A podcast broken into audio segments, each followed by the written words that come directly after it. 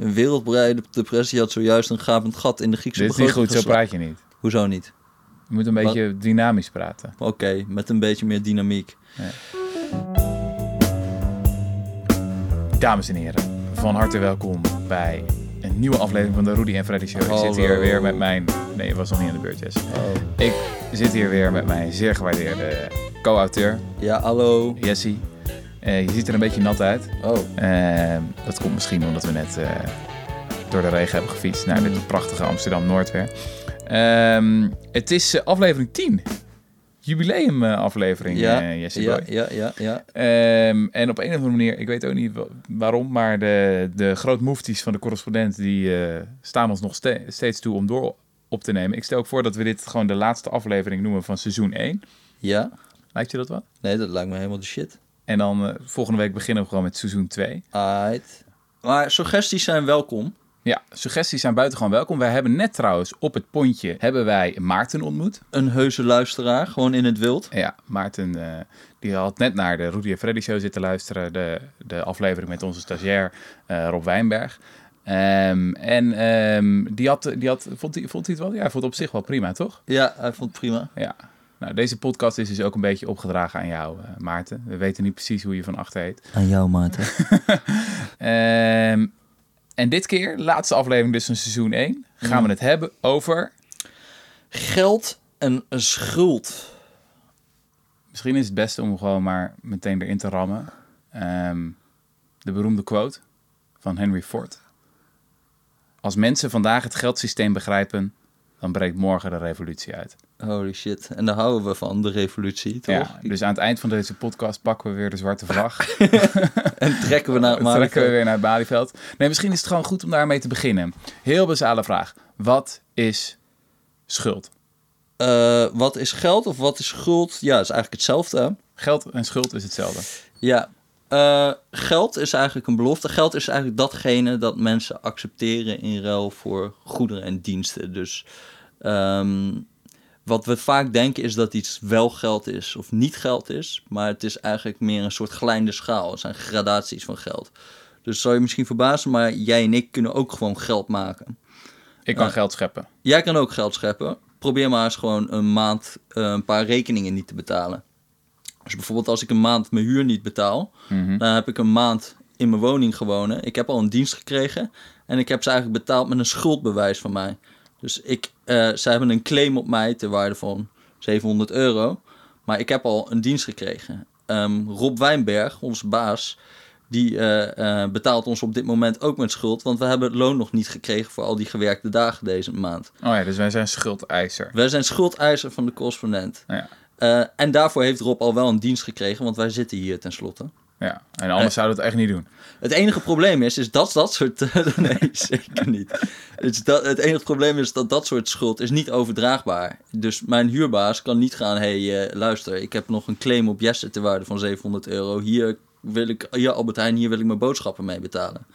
En er zijn ook schulden van instanties die wel overdraagbaar zijn.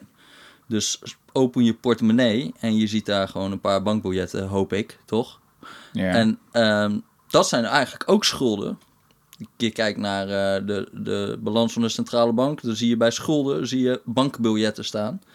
Eh, alleen die zijn wel vrij overdraagbaar. Die accepteren mensen wel. ja. eh, universeel. Dus eigenlijk is geld is, eh, eh, een soort glijnde schaal in, hoe, in hoe, welke mate het overdraagbaar is en hoe ver mensen het accepteren. Ja, dus misschien is het dan goed om echt in, in te zoomen op de eerste misvatting die mensen vaak hebben over geld of schuld. Mhm. Het wordt vaak als een soort van ding beschouwd. Van ja, geld is een ding dat vaste waarde heeft of zou moeten hebben. En ja, dat, da- daar kan ik altijd wat mee. Mhm. Terwijl zoals jij het nu beschrijft, is geld meer een belofte, een relatie, een ding waar je op kan rekenen. Vooral eigenlijk omdat de staat de waarde garandeert Mhm. met zijn geweldsmonopolie. Mhm. Ehm, maar in ieder geval dat veel, veel vager is dan, eh, dan we vaak zouden denken. En misschien nog belangrijker, dat dus voor ieder, eh, ieder vermogen wat je hebt, ieder financieel vermogen, iemand anders schuld heeft. Per Ja. definitie. Ja, Dat vind ik zelf altijd de grootste, tenminste dat vond ik zelf de grootste eye-opener, terwijl het heel logisch is. ja, ja. Dus eh, eh, Ja, bijvoorbeeld eh, gewoon een bankrekening. En jij hebt geld op de bank staan, 100 euro. Dan heeft de bank heeft 100 euro schuld aan jou. Want die moeten die 100 euro ook terug kunnen betalen. Mhm. Uiteindelijk is dat met alles financieel vermogen zo. Daar staat altijd iets tegenover. Ehm, Ja, dus als, je, als iedereen al zijn schulden afbetaalt, dus schuld gewoon helemaal weg is, niet meer bestaat, dan bestaat geld ook niet meer. Nee, dan heb je geen geld meer, nee. Dus dat is helemaal niet de bedoeling. Nee, Schulden moeten altijd bestaan. ja, nou, dat is gewoon eigenlijk het eh, glijmiddel van de economie. Om maar, eh, Dus wat je wel eens hoort tegenwoordig van, oh, ze hebben zoveel schulden, et cetera, dan is het meer van dat dingen uit balans zijn gekomen. Het is niet per se problematisch dat er schulden zijn. Nee, het is niet per se problematisch dat er schulden zijn. Het is wel problematisch als er beloftes zijn gedaan die niet nagekomen kunnen worden. Ja, ja, ja. ja dus ja. eh, geld is eigenlijk ook een belofte. En je hebt verschillende beloftes. Eh, bijvoorbeeld, ik betaal jou elk jaar eh 8% rente. En als, dan, als jij dat niet meer kan nakomen, die belofte, dan, is er een, dan ontstaat er een probleem. Maar het feit dat er schulden zijn, is juist een heel goed ding. ja. Ja, en dus iedereen kan ook beloftes doen, natuurlijk. Iedereen kan wat dat betreft geld scheppen. Ja, Het probleem is alleen dat niet iedereen erin dat, gelooft. Dat is een hele, dat is een quote van eh Hyman Minsky, een beroemde econoom. Weet je, heterodoxe econoom. Die zei, iedereen kan geld scheppen. Het probleem is om het geaccepteerd te krijgen. Ja. Dus eh, iedereen kan schulden maken, maar niet iedereen, niet iedereen zal zeggen... oké, ik accepteer dat jij schuld hebt bij mij. Ja. ja, en het helpt als er een man is met een AK-47 die achter je staat, Ja, eh, terwijl je die belofte doet. Want dan kan de. eh, dan ja kan daar heb ik nog wel misschien wel een leuk verhaaltje over. Al- Als je wil begrijpen hoe geld ongeveer ontstaat... met een ge- geweldsmonopolie met een staat... Mhm, Ehm, stel dat jij en ik een feestje hebben gehouden... mhm, En aan het einde van dat feestje willen we dat, eh, eh, dat de boel een beetje opgeruimd wordt. mhm. En ik zeg dan, nou, voor iedereen die hier een half uur helpt met opruimen, die krijgt van mij één visitekaartje van mij. Dus zijn er mensen die toevallig even willen werken een half uurtje? Nou, ik denk dat er weinig mensen ja zullen zeggen. Maar stel nu dat ik een man met een AK-47 bij de deur zet. En ik zeg, eh, je kan er alleen uit als je één visitekaartje bij deze man inlevert. Of een Jessie, laten we het een Jessie Je- noemen. laten we het een Jessie Ja, noemen, ja, laten we het een eenheid, Jessie. Ja. Je moet één Jessie moet je inleveren Ja. bij, deze, eh, bij deze gozer, anders kom je er niet meer uit. Ja. Maakt me niet uit hoe je hem krijgt. Maar ik bied hier eh, een half uur werk aan en dan krijg je één Jessie van mij. Ja. Nou, plotseling heeft dat ding heeft in één keer waarde gekregen. In één keer is het een half uur werk waard. Ja. Eh, dat, dat dingetje wat eerder helemaal niks waard is. Nou, vervang voor die man met de AK-47 de Belastingdienst. Ja. Eh, het feit dat wij belasting moeten betalen in euro's en niet in, eh, in dollars of in jessies. Dat betekent al dat de euro waarde krijgt, omdat iedereen elk jaar euro's moet verzamelen. Al is het alleen maar om de overheid te betalen. Maar dit is dus een heel ander verhaal dan in alle economieboekjes staat. Want Ja. in alle economie- economieboekjes staat van geld is ooit uitgevonden toen iemand had een koe en de ander had een geit. En dat was een beetje, ja, dan moest je die geit in stukjes gaan hakken. En dat kan op zich wel, maar Ja. misschien heeft die andere pas later behoefte aan die, aan die koe. Eh, weet je wat, het is heel handig om eigenlijk geld uit te vinden. En dan begint dan met schelpen of zo. En dan ga je dat als ruilmiddel gebruiken. Simpelweg omdat heel veel transacties niet gelijktijdig zijn. Ja. Maar je dat een beetje. Maar dat, dit is een heel andere theorie. Ja, daar, van in, hoe de- in die theorie komt geld eigenlijk uit de markt. Dus er is ruilhandel al. Alleen om dat wat fijner te laten verlopen, de handel, eh, verzin je een intermediair zoals goud of geschelp inderdaad. Ja, ja, ja. En eh, het enige probleem daarmee is dat archeologen en antropologen eigenlijk dat nooit vinden. Nooit zo'n voorbeeld hebben gevonden van dat, eh, dat geld uit ruilhandel ontstaat. Wat je bijvoorbeeld ziet in Mesopotamië, eh, oude Babylonië en zo, daar zijn ze eigenlijk het meeste onderzoek naar gedaan. Vreemd genoeg weten we daar eigenlijk het meest van de economie en niet van de cultuur. Omdat al dat spijkerschrift, dat Ja. zijn allemaal boekhoudkundige documenten eigenlijk. ja, ja, ja. Dus ze hebben niet hele mooie briefwisselingen of zo. Die zijn er ook wel. Maar het meeste zijn gewoon hele saaie boekhoudkundige documenten. Dus die economie is best goed beschreven. Maar hoe daar geld ontstond, was eigenlijk dat iedereen bij de tempels eh, een bepaald bedrag moest eh, eh, elk jaar aan, ehm, aan gewassen moest inleveren. Eh, en dat was eigenlijk een soort belasting. En zij stelden dus een vaste hoeveelheid van die gewassen tegenover andere producten in. Dus één gewas is twee zilver, of weet ik het allemaal. Mhm. En zo ontstond een beetje daar een geldeconomie. Maar dat kwam dus omdat er een soort belasting was. Dus iedereen die moest eh, geld naar de tempels brengen eh, voor offers. Of geld naar de paleizen voor bruidschatten en zo. En eh, zo, zo, zo ontstond geld door belasting eigenlijk, door een geweldsmonopolie, door iemand die dat van bovenaf eh, in, invoerde. Ja, ja, dus je hebt een beetje de anarchistische theorie, de links-anarchistische theorie van hoe geld ontstaat. Mhm. Van het is ooit misgegaan, of althans misgegaan. In ieder geval, het is ooit begonnen bij de staat. Mhm. Die heeft ooit bedacht van, eh, dit zijn beloftes, die kan je vervatten in getallen. Ja. En jullie zijn er verplicht om ons daarin te voorzien. En de meer de rechtse neoclassieke theorie is, nee, het is, zit gewoon intrinsiek in de aard van de mens. Die wil Dat is gewoon een onderhandelaartje, die houdt altijd daarvan. En die gaat op een gegeven moment denken van, ja, ik moet er een oplossing voor hebben. Weet je wat, ik ver- verzin op spontane wijze geld. Maar Ja. jij bent dus een aanhanger van de eerste theorie. Ja, nou ja, volgens mij is het vrij evident dat die eerste theorie, dat daar, eh, ik bedoel, je kan zeggen... Historisch over- gezien is Historisch gezien is dat gewoon vrij duidelijk dat Ja, dat zo is. ja. Ook bijvoorbeeld als er koloniën komen, als de Britten naar Afrika gingen en ze wilden dat mensen voor hen gingen werken, dan deden ze precies wat ik net beschreef met die man met de AK-47. Ja. Ze zei gewoon, jullie moeten ons nu gaan betalen in ponden. Zie maar hoe je ze krijgt. Oh ja, en ik heb hier nog werk in ponden. En als je dat niet betaalt, dan beland je in de Ja, ja, ja, ik heb zelf ooit zo'n verhaal ge- ge- geschreven over een eilandje op de Stille Oceaan, waar het volk, eh, het Jap-volk leefde. Mhm. En die hadden heel bizar geld, namelijk eh, groot steengeld, met van die ronde gaten in het midden. Staken ze een boomstam doorheen. En kortom, die waren vreselijk zwaar, nauwelijks te vervoeren. Maar dat gebruikten ze daadwerkelijk als geld. Ehm, en het, het bizarre is gewoon dat, ze da- dat het functioneerde omdat men erin geloofde. Mhm. Dus zolang iedereen gelooft dat iets van waarde is, zolang dat onderdeel uitmaakt van de cultuur. Sterker nog, ze legden afstanden van 400 kilometer af. Dus dat is van Schiermonnikoog naar Londen op van die houten vlotten. Om ergens op een ander eiland die, die houten units, of die stenen units, eruit te gaan pikken. Ja. Vreselijk werk. En kwamen ze terug. En het mooiste verhaal vond ik nog, dat er eh, op een gegeven moment, zeg maar, de, het rijkste gezin of rijkste familie op dat eiland. Daar werd ook van gezegd van, nou, die heeft de allergrootste steen ooit, Rai, zoals die heette. Alleen, die was ooit eh, verloren geraakt in een reis daar naartoe. Op, en, en het vlot was omgedonderd op de bodem van de oceaan. Maar iedereen erkende van, ja, maakt het uit dat hij op de bodem van de oceaan ligt. Iedereen weet, zij zijn het rijkste, dus die hadden ook de meeste slaven, weet ik het allemaal. En het is wel fascinerend dat dat gewoon, zolang je erin gelooft... Ja, Alleen dat is natuurlijk het ding met beloftes. Je moet wel een manier hebben om ja. het geloof in de belofte af te dwingen. Ja. Alleen, ik heb daar toch ook een beetje iets tegen, tegen dat idee dat het allemaal aan geloof... Er zit wel wat in hoor. Ja, dat dit is misschien een extreem voorbeeld. Maar ook, Ja. ook bijvoorbeeld, ik bedoel, zelfs als jij niet gelooft in de euro, aan het eind van het jaar zou je belasting moeten betalen Ja, in euro's, snap je? Dus het zit niks anders op dan, eh, zelfs als je er niet in zou geloven. Het is meestal gewoon wanneer geld ineenstort is na een oorlog, wanneer de capaciteit voor tot belasting heffen en een totale alles een zwarte markt is eigenlijk. Mhm. En er geen centrale staat meer is die serieus is te nemen, dan stort alles in elkaar in. Ja. Maar ehm, tot die tijd is denk ik niet echt Nee, een kwestie van ja. geloof alleen. Misschien even inzoomen dan op, op de vorm van schuld die we het meeste kennen uit het nieuws. Mhm. Eh, volgens mij is dat de staatsschuld. Ik bedoel, daar gaat het Ja, de hele tijd al over. In ieder geval sinds de crisis wordt dat gezien als een van de grote problemen. Dat simpelweg wij een collectieve schuld draagt op onze schouders. En nou ja, dat is ook een heel groot probleem, want onze, onze kinderen gaan dat krijgen. En dat is toch een schande dat we ze dat eh, geven, die hoge staatsschuld. Ik weet niet hoe hoog die inmiddels is. Eh, ik Ehm. geloof eh, ergens 60, 70 procent. Ja, zoiets hè. Ja. Ehm, maar hoe kijk jij daarnaar? Hoe groot is dat probleem?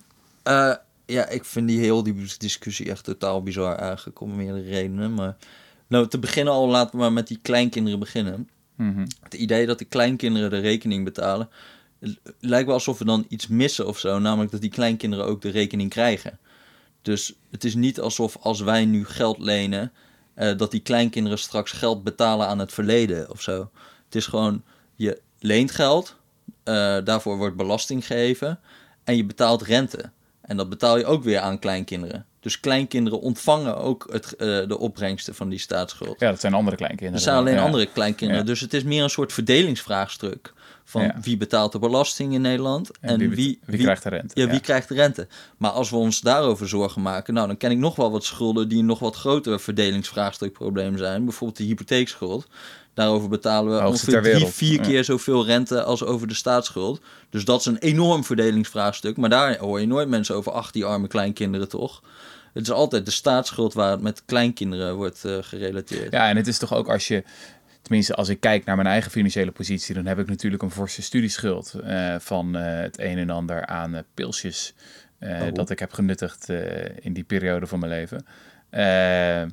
Maar ja, je bouwt natuurlijk ook op, wat op na een aantal jaren. En je kent mij natuurlijk als een zeer zuinige Calvinist. Ja. Eh, in tegenstelling tot, eh, tot jouw levensstijl. Ja. Waar altijd mijn wenkbrauwen wel ietsje van omhoog gaan. Ja, ja, maar ja, daar zullen we een ja, andere ja, podcast aan wij. Ja, in ieder ja, geval, ja, ehm, ik kijk altijd naar mijn financiële positie. Kijk naar de schulden, maar kijk ook naar het vermogen. Ja. Waarom? Ik bedoel, dat kan je voor de Nederlandse staat ook doen. Je kan kijken van, oké, de schulden zijn, wat is het? 60%, 70% van het BBP. Maar als het vermogen meetelt, Bas Jacobs, die econoom zegt het altijd, dan staan we gewoon 40% in de plus. Dus Ja. ik bedoel, de Nederlandse staat bezit ook heel veel dingen. Ja. Eh, gebouwen, eh, weet ik veel, cash. eh. Ja, ja, ja, ja, ja, ja. Ja, dat is echt totaal bizar. Stel dat je zo'n bedrijf gaat maar dat krijgen die waarderen. kleinkinderen ook, toch? Ik bedoel, Ja. dus eigenlijk krijgen de kleinkinderen meer dan ze... Ja, ja, ja, ja, ja, dat is dus... Ik bedoel, als je zo'n bedrijf gaat waarderen... Apple heeft een grotere schuld dan spijkerbedrijf Tetje van S of zo. Maar dan gaan we toch niet zeggen dat Apple armer is dan Tetje van S. Ja. Omdat ze een grotere schuld hebben. Je moet gewoon kijken naar wat, wat staat er aan, ook aan de linkerkant van de balans. Dus wat hebben ze ook aan bezittingen. Ja. En als je daarnaar kijkt in Nederland. We hebben enorme gasreserves. We hebben eh, eh, ongeveer een kwart van alle Nederlandse grond is in handen van het Rijk. Pensioenen toch ook? Eh, pensioenclaims, daar, Ja. dat, dat ook nog. Kunstwerken, eh, dijken, gasreserves, gebouwen, machines, schepen, vliegtuigen, auto's. Kan maar door blijven gaan. ja. Maar dan, als je, als je dat er aftrekt, dan blijft er echt weinig over. Sterker nog, dan hebben we een positief vermogen. Ja. Eh, dus dan hebben we eigenlijk meer bezit dan schuld. En dan heb je nog natuurlijk die pensioenfondsen. Dat is helemaal een mooi ding, want we belasten dus pensioenen pas na, eh, pas als er uitgekeerd wordt. Oh ja. Dus al die pensioenopbouw nu, Daar heeft de staat een enorme claim op. daar heeft een staat een enorme claim op. En die pensioenpotten zijn nu 1700 miljard euro of zo. Dat gaat gemiddeld, wordt daar 35% eh inkomstenbelasting over geheven straks. Dat is honderden miljarden. Dat is honderden miljarden eigenlijk. En eh, eh, dat is ook het CPB en zo, die erkennen ook op de lange termijn. Is er helemaal geen probleem met de staatsschuld? Want die gaat, we hebben een houdbaarheidsoverschot. Maar dus- waarom krijgen we dat niet? Ik bedoel, dat is zo lang ook. Echt van links tot rechts. Hoe vaak ik dat niet hoor. Als je weer een ideetje voorstelt. is echt, ja, nee, maar de Nederlandse staat is echt... Terwijl alle data laten zien ook dat de private schulden een veel groter probleem zijn. Ja. Nou, En nou, ook gewoon het basale principe van... Weet je wel, de een zijn schuld is de ander zijn vermogen. Ehm, dat lijken we ook maar de hele tijd niet te ja, kunnen begrijpen. Want kijk, als je dan Mensen de lijken een soort van wens te hebben om helemaal af te komen van schuld of zo. Ja, nou, het is, zit ook al in het woord een beetje. Hè? Het is iets zondigs. Ja, maar dat is het morele het aspect. Ik bedoel, er wordt ook vaak opgemerkt dat zeg maar in het Nederlands heb je, of nou, laten we zeggen, in het Engels heb je guilt en debt, Ja. Eh, het morele schuld en financiële schuld. En in Nederland is dat één woord. En in Duitsland ook. ja. Ja. Net als bij niet. verdienen. Ik weet wel? niet hoeveel Verdienen. dat zegt, maar het, ik, ik vind het wel mooi. Het zegt alles. Het zegt alles. Dat zegt alles. Nou ja, Paul Krugman had op een gegeven moment toch zo'n column. Dat, het was wel grappig dat hij al jaren schreef over hoe de Eurogroep en figuren als Dijsselbloem omgingen met Griekenland. En toen had hij een, een korte column over... Ik ben er net achter gekomen dat het hetzelfde woord is in het Nederlands en het Duits. Ineens begrijp ik alles. Ja, nou ja, er zit wel wat in dat het gewoon echt heel erg. eh, eh, het voelt gewoon per definitie slecht of zo. Voor, eh, ik bedoel, Dijsselbloem gaf nog een interview dat hij laatst dat hij wilde dat het naar 50% ging, de staatsschuld. 50% van het BBP. Mhm. Nou, voor de goede orde, dus in de afgelopen 200 jaar is dat ongeveer 19 jaar voorgekomen. Ja. Dus dat is echt absurd laag. ja. En ze En noemen dan- het op een gegeven en moment ook zondegeld, hè?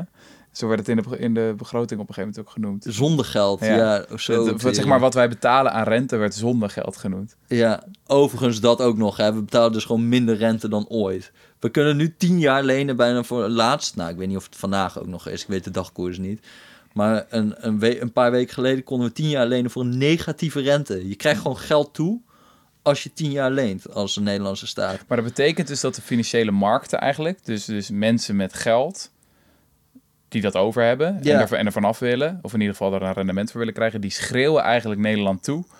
Bak ons geld in vredesnaam aan Ja, en doe er iets mee. en dan zeg ik, ik ben een hele En- erg- en- ik ben een, een jongen van de markt, weet je. Ik zeg, als de markten zo denken, dan zeg ik, pak Maar dat, dat is geld. toch feitelijk wat Dat is wel ik bedoel, echt zo, een hoge zo, rente ja. betekent pak ons geld maar niet aan. En als je geld wil, dan betaal je een hele dikke rente voor. Rente voor. Ja. Maar een hele lage rente signaleert meer dat, dat de markt zegt van...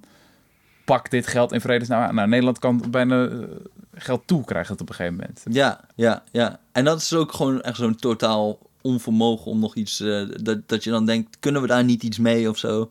Gaan dijk versterken? Gaan, moeten wij niet gewoon eh 16% van de economie duurzaam krijgen of zo? Of duurzame stroom opwekken? Ja, ja. Alsjeblieft zeg. Nou, volgens mij kan je heel makkelijk een lijstje maken met gewoon investeringen die ten minste 1% rendement opleveren. Oftewel meer dan dat het kost om te lenen Ja, op die lange termijn. ja. Aanpakken van kinderarmoede, inderdaad duurzame energie, investeren in allerlei vormen van innovatie. Dat zou niet zo moeilijk moeten zijn. Maar Ja. inderdaad, als je vastzit in dat schulddenken, dan... Maar dat is dus ook gewoon vooral dat we, eh, dat vind ik dus vreemd, dat we dan die hypotheekschuld of zo. Ja, er wordt nu wel wat meer over geschreven dan eh, door de crisis ook. Mhm. Ehm, maar ja, al die problemen die ze dan vooral over die distributie en zo, die speelt denk ik nog veel erger bij eh, de hypotheekschuld. Mhm. Dus over de- dat het een, zo'n verdelingsvraagstuk is. Want kijk, je zou over de staatsschuld nog kunnen zeggen.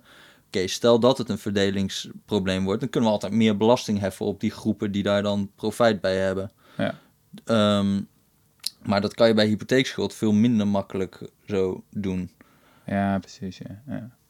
Hey, maar even in, inzoomen dan nog. Hè? Ik bedoel, een van de meest actuele kwesties in de afgelopen jaren is simpelweg de Griekse schuld geweest. En wat die Grieken hebben gedaan, is geld geleend van ons. Van banken, van, pensioenfondsen. Hoe dat ook precies gegaan. Op een gegeven moment zijn die schulden overgenomen door overheden in- Noord-Europa. Ze hebben dat geld ooit gekregen. Ze betalen het nu niet terug. Weet je, heel veel mensen hebben het basale gevoel van ja, maar ze moeten dat gewoon terugbetalen. Mhm. Ze moeten gewoon zorgen dat ze hun economie op orde krijgen of zo. Dat idee is blijkbaar zo hardnekkig dat je kan daar... Ja, maar ja, het vervelende van beloftes is dat ze soms niet nagekomen kunnen worden. Ja, Ik bedoel, eh, hoeveel eh, huwelijken eindigen niet in een scheiding? één op de drie. 1 op de 3. Oké, je hebt je research gedaan, verdacht. Eh, maar Eén op de drie moorden wordt ook gepleegd in romantische sferen. ja? nog meer macabere anekdotes? Nee, dit was het. Oké, dit was het. Maar ehm, eh, ja, en dan moet je gewoon een redelijke oplossing gaan vinden als een belofte niet nagekomen kan worden. Je kan ook wel blijven schreeuwen, "Ah, jij gaat je belofte nakomen, ten koste van alles. Maar dan, ja, dan, eh, dan, dan, dan, blijft er weinig over. Het is een beetje die En oog omhoog, tand op tand mentaliteit. Hè? Ik vind Ja, dat altijd precies. Ik ben natuurlijk bijbels opgevoed. Ik vind altijd de, de, het verhaal van de verloren zoon zo mooi. Ik weet niet of je dat kent. Jij bent natuurlijk Nee, nee, eh, nee. Vertel mij het eh, verhaal van de Oké, verloren luister. zoon. Gaat een zoon gaat op een gegeven moment die gaat eh, weg. Eh, Of hij krijgt een dikke erfenis van zijn vader. En hij gaat weg en hij gaat keihard zuipen in de stad verderop. En hij gaat feesten, et. Een beetje zoals jouw leven eruit ziet. Dus, jij met je studieschuld. Ja, ja een beetje. En dan op een gegeven moment komt hij terug. En nou ja, dan is hij helemaal berooid en plat zak. En berouwvol over wat hij met zijn leven heeft gedaan. En dan zegt zijn vader van... Wat fijn dat je terug bent. Welkom. Ik krijg een groot feest voor je aan. Want het is- ik ben gewoon heel blij dat mijn zoon terug is. En dan is die oudere zoon, die heel braaf is geweest... en die netjes op zijn cent heeft gepast... die is helemaal pist. Die is dan helemaal... Die kan het gewoon niet accepteren. Die heeft zoiets van, ja, dat kunnen we niet zo doen. Terwijl die vader zoiets heeft van, nou, weet je, we hebben nu gewoon, ons gezin is weer genezen. En hij is weer tot... Maar dat is iets heel tegenintuïtiefs of zo. Van dat, dat je soms zo'n breuk moet maken. Dat we, zeg maar, als het voor de toekomst van Europa... is het nu het beste als we zeggen... Oké, weet je wat? Zand erover. Gewoon grote reset. Wij hebben jullie veel te veel geld uitgeleend. Dat was helemaal niet handig. Of althans, dat hebben onze hysterische banken en pensioenfondsen gedaan. Eh, jullie hebben vet corrupte regering gehad. Eh, Maar goed, het heeft nu geen zin om eindeloos in jullie gezicht te blijven stampen. We resetten de boel. We gaan kijken hoe we zo goed mogelijk die, dat kadaster van jullie kunnen regelen. De belastinginning. Ik bedoel, dat zou, Ja, dat zou de dat vader zou de van de verloren zoon doen. Ja. Ja. Nee, maar het, dat is best wel... maar dat vind ik altijd grappig. Dat mensen dan zeggen, ja nee, dat is onze oude Calvinistische mentaliteit of zo. Dan denk je, ja, jullie lezen gewoon de verkeerde bijbelverhalen. Ja, ja. Sowieso, sowieso. De hele Bijbel is vol met veroordelingen van rente en crediteuren. En eh, ik bedoel, je hebt in de Bijbel heb je het eh, jubeljaar nog. Een zevende van de zevende jaar, 49ste jaar, moeten alle schulden kwijtgescholden worden. Ja, ja, Elke ja. 49 jaar. In Maar het Oude je- Testament nog, hè? Later krijg je meer dat echt de, de, degene die schulden heeft, wordt gestraft.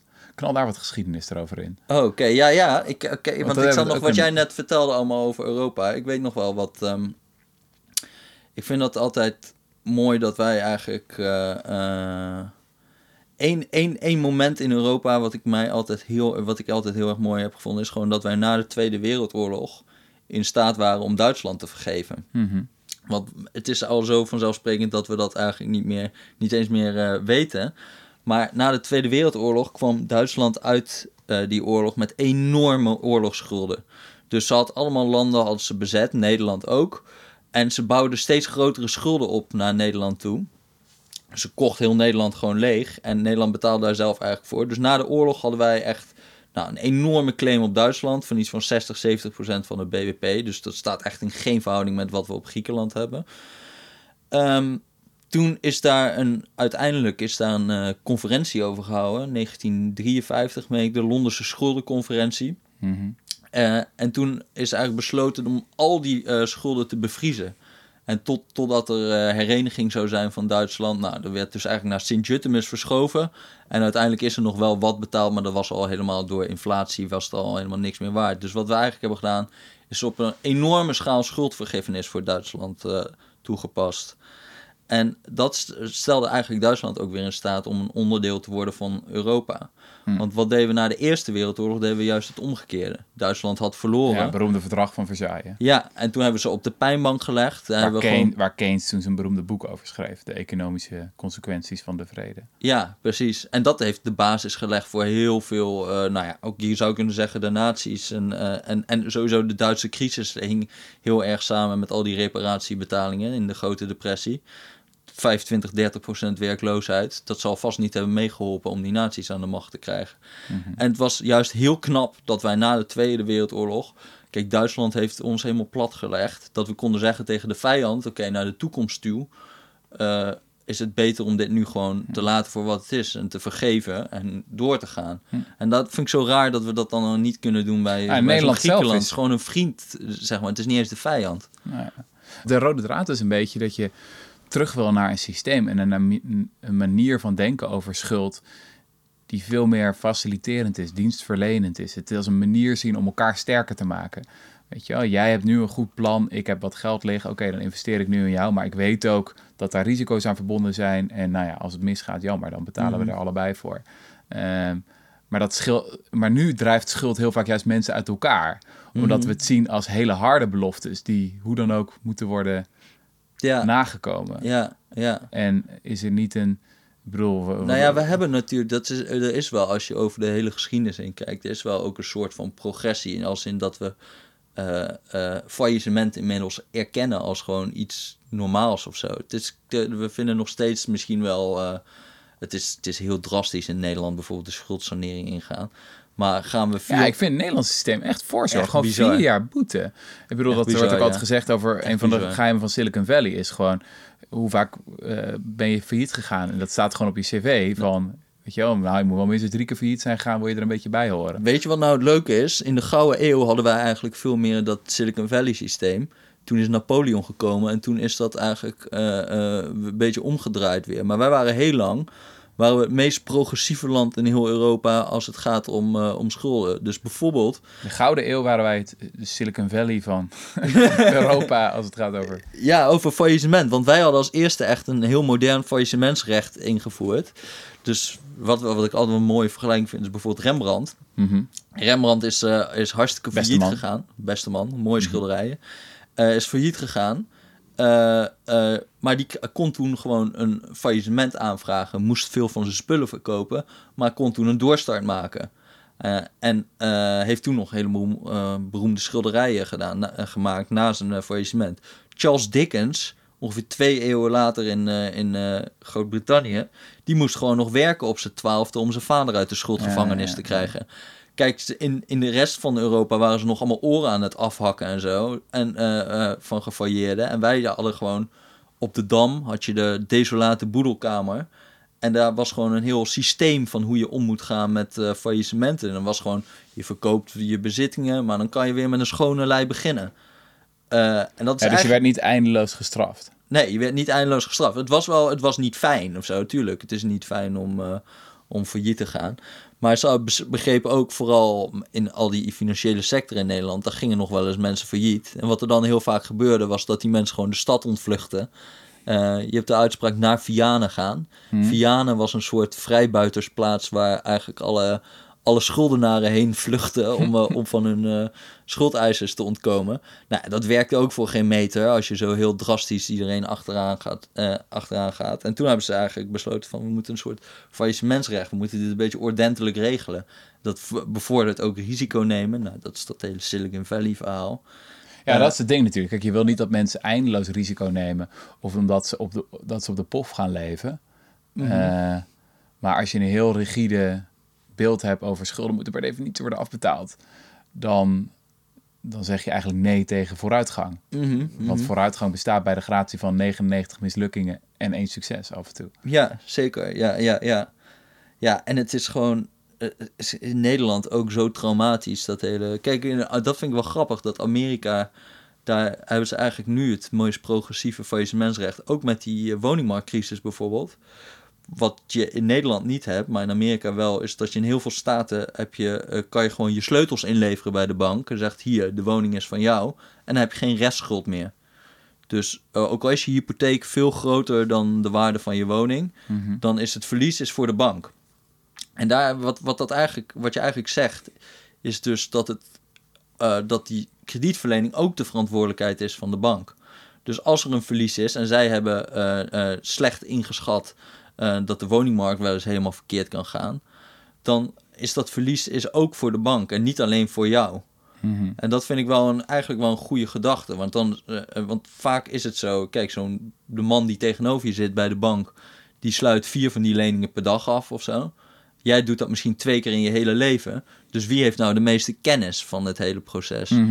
Ze- Zorg er dan ook voor dat zij zeg maar, een beetje verantwoordelijkheid dragen, economische verantwoordelijkheid, voor wat als het helemaal fout gaat. Ja, dat het een relatie is waar Ja. allebei de partijen verantwoordelijkheden hebben. Maar dat is gewoon een soort zo'n bazaal economisch inzicht dat we steeds vergeten van als het slecht gaat met je buurman, dan gaat het ook ietsje slechter met jou. Want jouw buurman, als die rijker is, dan kan die ook meer welvaart voor jou creëren. Mhm. Als het slecht gaat met Griekenland, als daar 25% werkloosheid is, al jarenlang, dan is de kans dat zij heel veel welvaart voor ons gaan creëren, zodat wij ons geld terugkrijgen, natuurlijk niet zo groot. Nee. Weet je, dus die, die, die fundamentele relatie vergeten we steeds. Dat economie gaat over relaties tussen mensen. Hoe creëren we een systeem waarin we samen zoveel mogelijk welvaart creëren? Het is heel vaak gewoon dat Calvinistische van...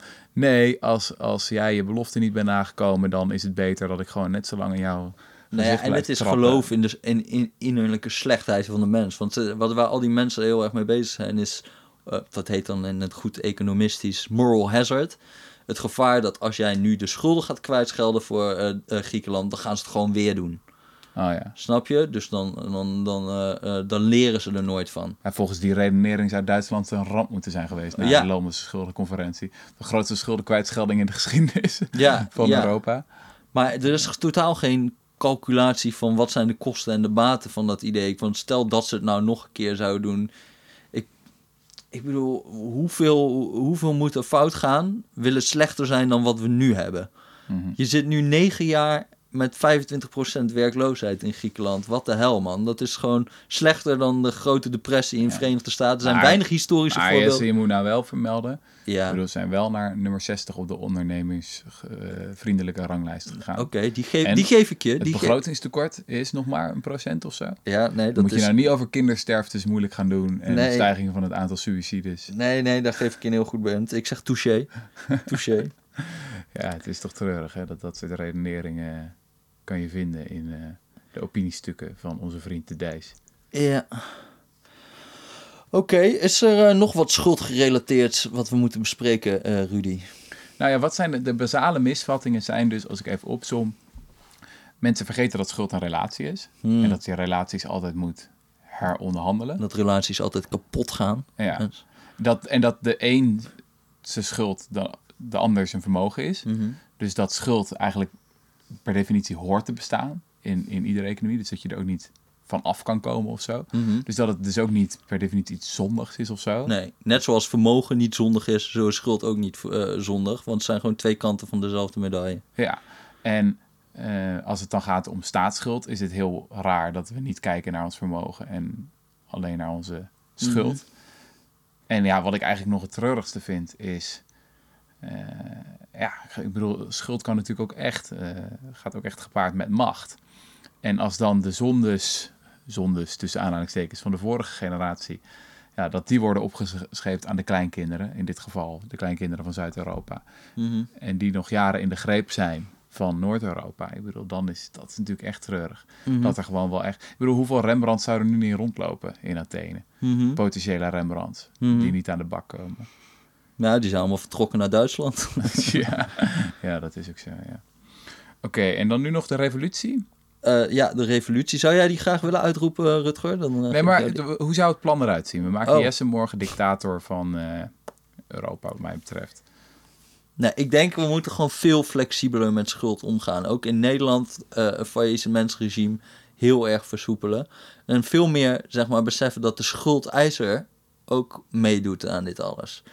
En eh, vaak weten de schuldeisers meer dan de schuld. eh, nou, niet altijd, maar bijvoorbeeld met hypotheken denk ik dat wel. In Nederland zouden we ook gewoon zo'n Amerikaans systeem moeten hebben. Dat het veel makkelijker moet zijn om weg te lopen van je woning. Er was laatst ook weer een CPB-studie bijvoorbeeld dat ehm, al die mensen met restschulden, en dat zijn er nogal wat in Nederland, want we hebben, eh, volgens mij zijn er nog steeds een miljoen mensen of zo met, die onder Mhm. water staan, dus dat de waarde van hun eh, woning kleiner is dan een hypotheekschuld, dat die veel moeilijker eh, verhuizen dan eh, andere mensen. Dus arbeidsmarktmobiliteit verlagend. Nou ja, dat is eigenlijk ook destructief. Mhm. Dat is stel dat je ergens een goede baan aangeboden krijgt, kan je helemaal niet weg, zit je gevangen in zo'n woning. Mhm. Ehm, nou, dat is niet de enige reden om het niet te doen, maar er zijn hele goede economische redenen om daar iets aan te gaan doen, al die, eh, aan al die schulden. En dan, alleen dan zou je het veel makkelijker moeten maken om die weg te strepen. Dus daar moeten we veel soepeler mee omgaan. Mhm. Eh, en ook internationaal, dat is precies hetzelfde. Ik snap echt niet hoe, we, hoe, hoe die, hoe die kostenbatencalculatie gaat. Hoe lang moeten we hier nog mee doorgaan met gewoon eisen van Griekenland en Spanje en eh, Portugal? Eh, dat, ze, dat ze bezuinigen. Op een gegeven moment kan je toch beter zeggen, streep het weg. Het verleden is het verleden. En we gaan gewoon naar de toekomst gaan we door eh, met z'n allen. En dan probeer je een stabielere relatie op te bouwen, waarin er wat minder geld van Noord naar Zuid wordt gepompt. Ja, Of we het gewoon accepteren dat Noord permanent Zuid aan het subsidiëren is. Ja, nou ja, gewoon eigenlijk hier, de, voor Griekenland bijvoorbeeld, dat is al 200 jaar zo. En eh, we hebben al die tijd hebben we er niet heel erg eh, veel last van ondervonden of zo. Dus ja, ik, eh, ik zie ook niet helemaal wat het probleem nou zo al groot en acuut maakt dat we daar een hele zomer over moeten gaan discussiëren. Je kan het ook gewoon eh, formeel maken, inderdaad. Zoals Florida dat is in, eh, voor de Verenigde Staten. Ja, ook structureel verlieslatende bejaarde staat. Ja, ja. Dat kan gebeuren. Ja. En als ik nou, als het nou persoonlijk trek, hè, moeten we dan niet ook naar in ons eigen leven, dus als we naar onze bankrekening kijken of naar ons pensioengeld wat we hebben opgebouwd, moeten we daar niet ook wat flexibeler naar kijken? Als in, stel nou dat je dat als belofte gaat zien. Tenminste, ik zie mijn geld toch best wel als Nou Ja, daar reken ik gewoon op. Ik denk Dat dat, is is, gewoon- totaal onwerkbaar. Jij moet gewoon op microniveau doen wat je op microniveau gaat doen. En dan, dan moet er gewoon maar met beleid moet het allemaal geregeld worden. Maar je gaat toch niet... Ja, dat wordt wel heel lastig, denk ik. Maar dat is waar de misvatting steeds vandaan komt. Dat er, dat er op, op macroniveau, op nationaal niveau, metaforen worden gebruikt. die we van microniveau herkennen. Bijvoorbeeld het huishoudboekje van de staat. Ja, ja, ja. Daarom werkt deze hele retoriek zo goed. Omdat mensen de hele tijd denken van ja, nou, ik moet ook inkomsten en uitgaven in balans brengen met elkaar. Ja, ja. En dat ze even vergeten dat zij zelf geen belasting kunnen hebben en niet, en niet een geweldsmonopolie hebben. Dus dat de overheid, ik bedoel, het is een onzinnige metafoor, het huishoudboekje van de staat. Mhm. Want de staat is geen huishouden. Nee. Maar daar gaat het volgens mij de hele tijd ook mis. Dat mensen, eh, zeg maar, hun eigen... Ja, maar voor jezelf geldt dat ook echt. Het Dus, is maar oké, beter dus om niet te groot Privé mogen we Calvinistisch blijven, Heel, ja. als we maar collectief vrijbuiters worden. Katholiek, oké. Ja. Nou, dat lijkt me een mooi slot. ja. Dus, revolutie. Ja, ik denk, ik denk wel weer gewoon de zwarte vlag. Ja, Ja, toch we wel? moeten nu wel echt even een datum gaan prikken. Dat is misschien ook wel echt iets voor eh, seizoen 2. Ehm, beste luisteraars, eh, we hopen dat dit een beetje te begrijpen was. Eh, Maarten, ik hoop dat jij het ook wat vond. Maarten van het, van het pontje. Ehm, mocht je nog meer ehm, vragen hebben of ideeën voor andere podcasts, eh, laat het even horen op uh, jesse.decorrespondent.nl of rutger.decorrespondent.nl. En eh, tot de volgende keer. De groeten.